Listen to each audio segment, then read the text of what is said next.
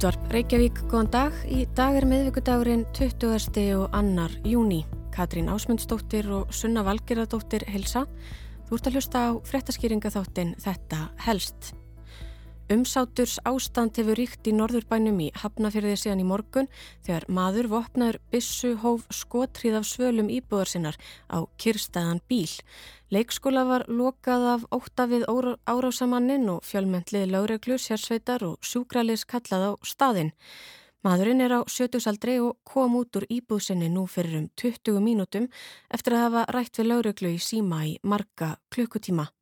Í þetta helst ætlum við að fara yfir atbyrði morgunsins en Sunna hefur fylst grant með framvindunni.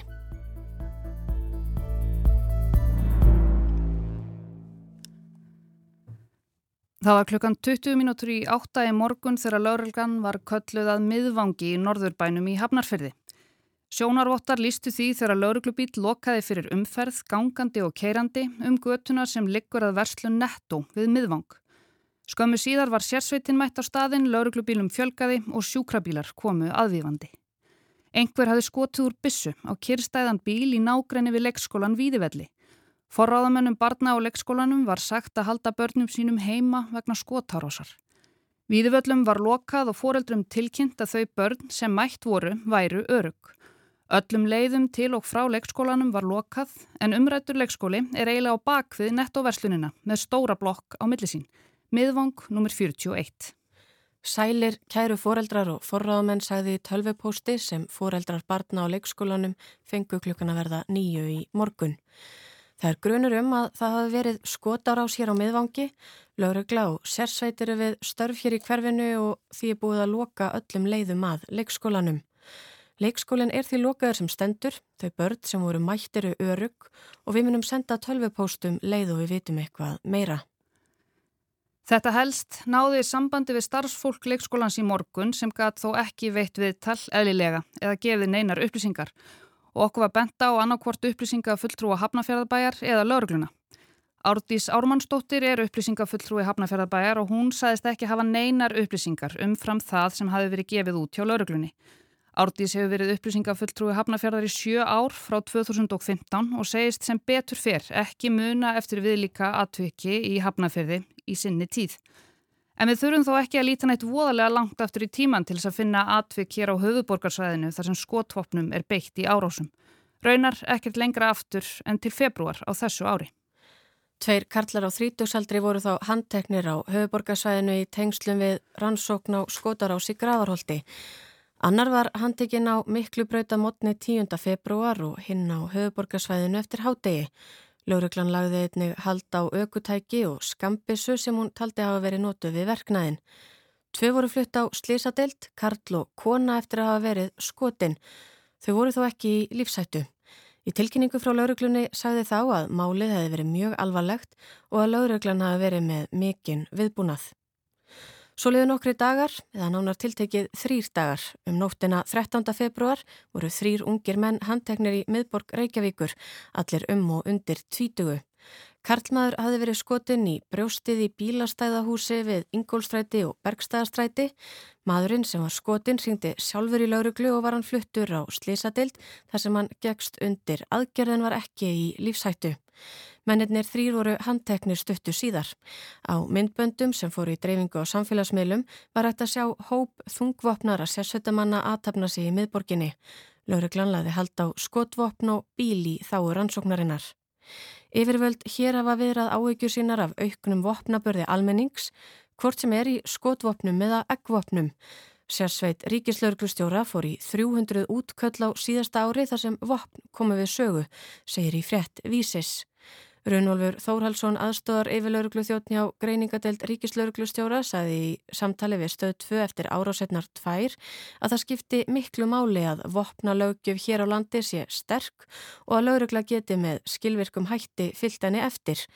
Þó skot árásir hér á landi hafi almennt beinstað ákveðnum aðilum sé alltaf hætta á að almenningur hljóti skada af. Skotvopnið sem var notað í árás í miðbæ Reykjavíkur var þrývítar prentuð bissa en í gravarholti var notuð skambissa. En færum okkur aftur til dagsins dag og upp í Hafnarfjörð. Eftir því sem líða tók á morgunin byrtust fleiri og fleiri fréttir á öllum miðlum um framgang atbyrðarásarinnar við miðvang. Fréttablaði greindi frá því klukkan rúmlega tíu í morgun að vopnaður Karlmaður var í enn inni í íbúð í fjölbílishúsi við miðvang 41. Maðurinn hafi farið út á svalinnar í íbúðsynni á þriðju hæð og skotið á bíl sem var lagt fyrir aftan verslun netto. Samkvæmt sjónarvottum sem fréttablaði rætti við skaut maðurinn af bissunni fjórum sinnum. Lauraglann ítrekkaði að íbúar væru ekki í hættu, sérsveitarmenn og laurugluþjónar væru inni í blokkinni að ræða við mannin. Sömuleiðis notaði lauraglann dróna til þess að sjá betur inni í íbúðina. Hónfríðu dagni Fríðansdóttir fréttamaður Rúf lísti því fyrir okkur hvernig sérsveitarmenn hefðu stilt upp bissum sínum ofan á húti sérsveitarbílana og virtust miða inn í íbúð mannsins. Eigandi bílsins sem skoti var á var farið til skýslutöku og sangkvæmt upplýsingu frá lauruglu særðist hann ekki. Lauruglan vildi ekki svara fjölmjölamönnum um tengsl mannana tökja. Myndin af bílnum sem skotið var á og byrtist á vefmiðlum er heldur nöturleg. Þetta verðist vera vinnröður skóta Octavia Station og hafa bissukúlutnar splundra farþegarúðinni aftari. Frettablaðið náði tali af ósáttum leigubílstjóra í morgun sem hafi þá beðið í klukku stund eftir að komast að bílnum sínum sem er inni á lokaða svæðinu. Hann rétti laurugluþjónum bíllikla sína og bað þá að gjöra svo vel og koma með bílinn sinn eins og það er orðað í frettablaðinu. Nenni þessu ekki lengur. Þetta er búið að vera svona síðan átta í morgun. Ég þarf bara að fara að vinna, sagði legubílstjórin við blaðið. Þetta helst náði líka tali af einum íbúa sem hafi farið út í morgun og lendi í fanginu á výbúnum lauruglumönnum. Hann fekk svo ekkert að fara aftur inn, fekk engar upplýsingar um hvað var í gangi og ætlaði bara að nýta tíman til að heimsækja kunningja á meðan hann fekk ekki fara heim til sín. Hann býr á þriðju hæð sem er samkvæmt okkar upplýsingum, sama hæð og árásamæðurinn býr á. Klukkan 11 í morgun var maðurinn enn inni í íbúðsynni við miðvang 41 en samkvæmt frett MBL var þá ekki ljóst hvort hann væri einn þar inni. Engan sakkaði í morgun en ljóst er að mikil hætta var á ferð og var sérsveit ríkislauruglustjóra strax köllu til vegna alvarleika málsins. Saði í tilkynningu frá lauruglunni á höfuborgarsvæðinu sem barstum klukkan hálf 11. Skýslutaka yfir eiganda bílsins sem skoti var ástóð þá yfir en lauruglan vildi ekki tjá sig um það hvort eigandi bílsins hafi verið stattur inni í bílnum þegar hann var skotið á hann en bifriðin var kirstæð. Hún var stött sunnanmegin við blokkina að sög lauruglu. Þar eru bifriðastæði en gengt húsinu er leikskóli. Aðgerðir lauruglu á vettfangi standa enn yfir en starfsfólki og börnum á leikskólanum hefur verið gert að halda sig innandira á meðan á þeim stendur og þá hefur verið lokað fyrir alla umferð að hluta miðvangs, segi lauruglan í tilkynningu. Sjónarvottar sem MBL rætti við í morgun og greinir frá á vefsínum segja að skotkvellir hafi heyrst í blokkinni við miðvangum klukkan sjö í morgun. Íbúar eru enn í húsinu sem var ekki rýmt en laurugla sér til þess að fólk haldi sig í íbúðum sínum. Verslunin Netto er á neðri hæð blokkarinnar og hefur henni verið lokað en starfsfólk verslunarinnar er enn inni í versluninni.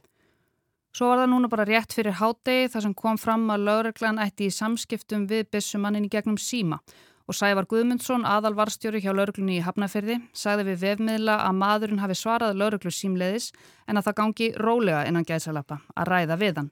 Afgirta svæðið hafi þarna verið stækkað vegna lauruglu aðgerðarinnar. Svo kom fram á vísi að klukkan að verða 12 að leikskólabörnum væru örug en 17 börn og 21 starfsmæður var mættur á leikskólan Víðivelli þegar aðgerðir lauruglu hófust í morgun. Þau voru það sem er kallað hljemegin í húsinu og þau voru örug og þau fengu hátegismatt. Vísir lýsir því hvernig sömur íbúar í blokkinu við miðvang 41 virtust taka ástandinu með ró en sérstöfu til þeirra reykjút á svölum á meðan vopnaðar sérsveitamennir á ferðinni á stigagangi og fyrir utan fjölbílishúsið. Skúli Jónsson, aðstór yfir lauruglu þjóttn hjá lauruglun á höfuborgarsvæðinu, saði við miðilinn nú rétt fyrir hádegi að maðurinn væri þá enn inni í íbúsinni og lauruglan hafi rætt við hann. Markmiði sé að fá mannin heilan út og ljúka málinu þannig. Skúli sagði jafnframt að laurugla telji aðstæður nú örugar á vettfangi, búið sé að girða nokkuð stórt svæði af og íbúum í blokkunum og í nærlegjandi húsum gert að halda sig innandira. Hátt í 20 lauruglumennir á vettvangi að hans sögn. Hann byrði fólk sem lifur illa og er með áhyggjur í húsinu að hafa samband við Rauðakrossin en mjög margir íbúar eru fastir inn í íbúðum sínum. Hægt sé að ringja í síma 1717 og þá er maður að fá beint samband við fólk hjá Rauðakrossinum sem getur veitt áfalla hjálp og tala viðkomandi í gegnum aðstæðunar. D.V.A.F. fór á stúana og rætti við nokkra íbúa í húsinu. Einn saðist hafa sofið af sér skotkvellina en þegar hún fór út úr húsi og ætlaði til vinnu tóku lauruglumenn á mótinni og báði hana um að vera innandira. Konan saðist lítið geta fylst með aðgerðum lauruglu úr íbúðsinni en henni fannst líka óþægilegt að fara út svo hún ákvað bara að halda sig inni. Aðspurð hvort hún upplifið sér öruga svaraði hún, nei, þetta er skrítin tilfinning, þetta er ekki gott. Ég er dálítið tauga ástyrk út af þessu og það er skrítið að vita af byssum hérna. Konan saði við DFF að lauruglumennir hafi verið mjög vingjartlegir og kurtisir og það sé óneittanlega hugreistandi að vita af þeim og að þeir séu vopnaðir. Ég veit að þeir eru með stjórn á ástandinu en það er óþægilegt að vita því að hér hafi einhver verið að skjóta af bissu út úr íbúðinu sinni. En lauruglumennir hafi verið vingjartlegir og fagmannlegir, sagði íbúin við miðvang. Hún sagði líka að það væri ekki um neitt annað að ræða fyrir sig en að halda kyrru fyrir á heimili sínu og býða þess að umsátrinu ljúki. Djefaf rætti við annan íbúa, eldri mann sem saðist hafa komið stað heimann í morgun um hálf nýju leitið en þá eru lauruglumenn fyrir utan húsið. Hann kemst hins vegar ekki heim til sín aftur og heldur nú til í Vesturbæ Hafnafjörðar þar til málið leysist. Hann segir að nágranni hans hafi hægt við að fara með eiginkonu sína til læknis í morgun og að þau haldi kyrru fyrir í íbúsinni. Hvorur þessara manna heyrði skotkvelli í morgun? Hólmfríðu Dagni, fréttamaður Rúf, rauk upp í hafnafjörði morgunum leið og fregnirnar bárust og hún fór á samt Braga valgesinni myndatökumanni. Við heyrðum í Hólmfríði í fréttatímanum hér áðan þar sem hún lísti aðstæðum og nánast í beitni útsendingu í hátegisvettum Rúf kom maðurinn út. Hann var þá handekinn og færður til yfirherslu. Aðgerðum var því að ljúka þarna í fréttatímanum og málið virtist vera að leysast að einhverju leiti en þá tók við að leifa íbúum að fara annarkort út úr íbúðum sínum eða aftur inn í þær og rannsóknarvinna á vettfangi gatt þá farið að hefjast. Nú er búið að taka skýslu af eiganda bílsins sem skoti var á og honum búiðinn áfallahjálp. Skúli, laurglumadur, ítrekkaði í háttegisvettum að fólk getur hringt í Rauðakrossin til að fá áfallahjálp en hefur ekkert komið fram hvort menniti tveir tengjast eða hvaða aðstæður og ástæður kunnið að liggja baki árásinni. En við látum þá þessari yfirferð þetta helst um umsátriði í hafnafyrði þennan grámiklulega miðvögdagsmorgun lokið en það verður að sjálfsögða þetta fylgjast með framvendunni á öllum miðlum rúf, vef, útvarpi og í sjónvarpi í kvöld. Takk fyrir að leggja við hlustir og við heyrumst aftur á morgun.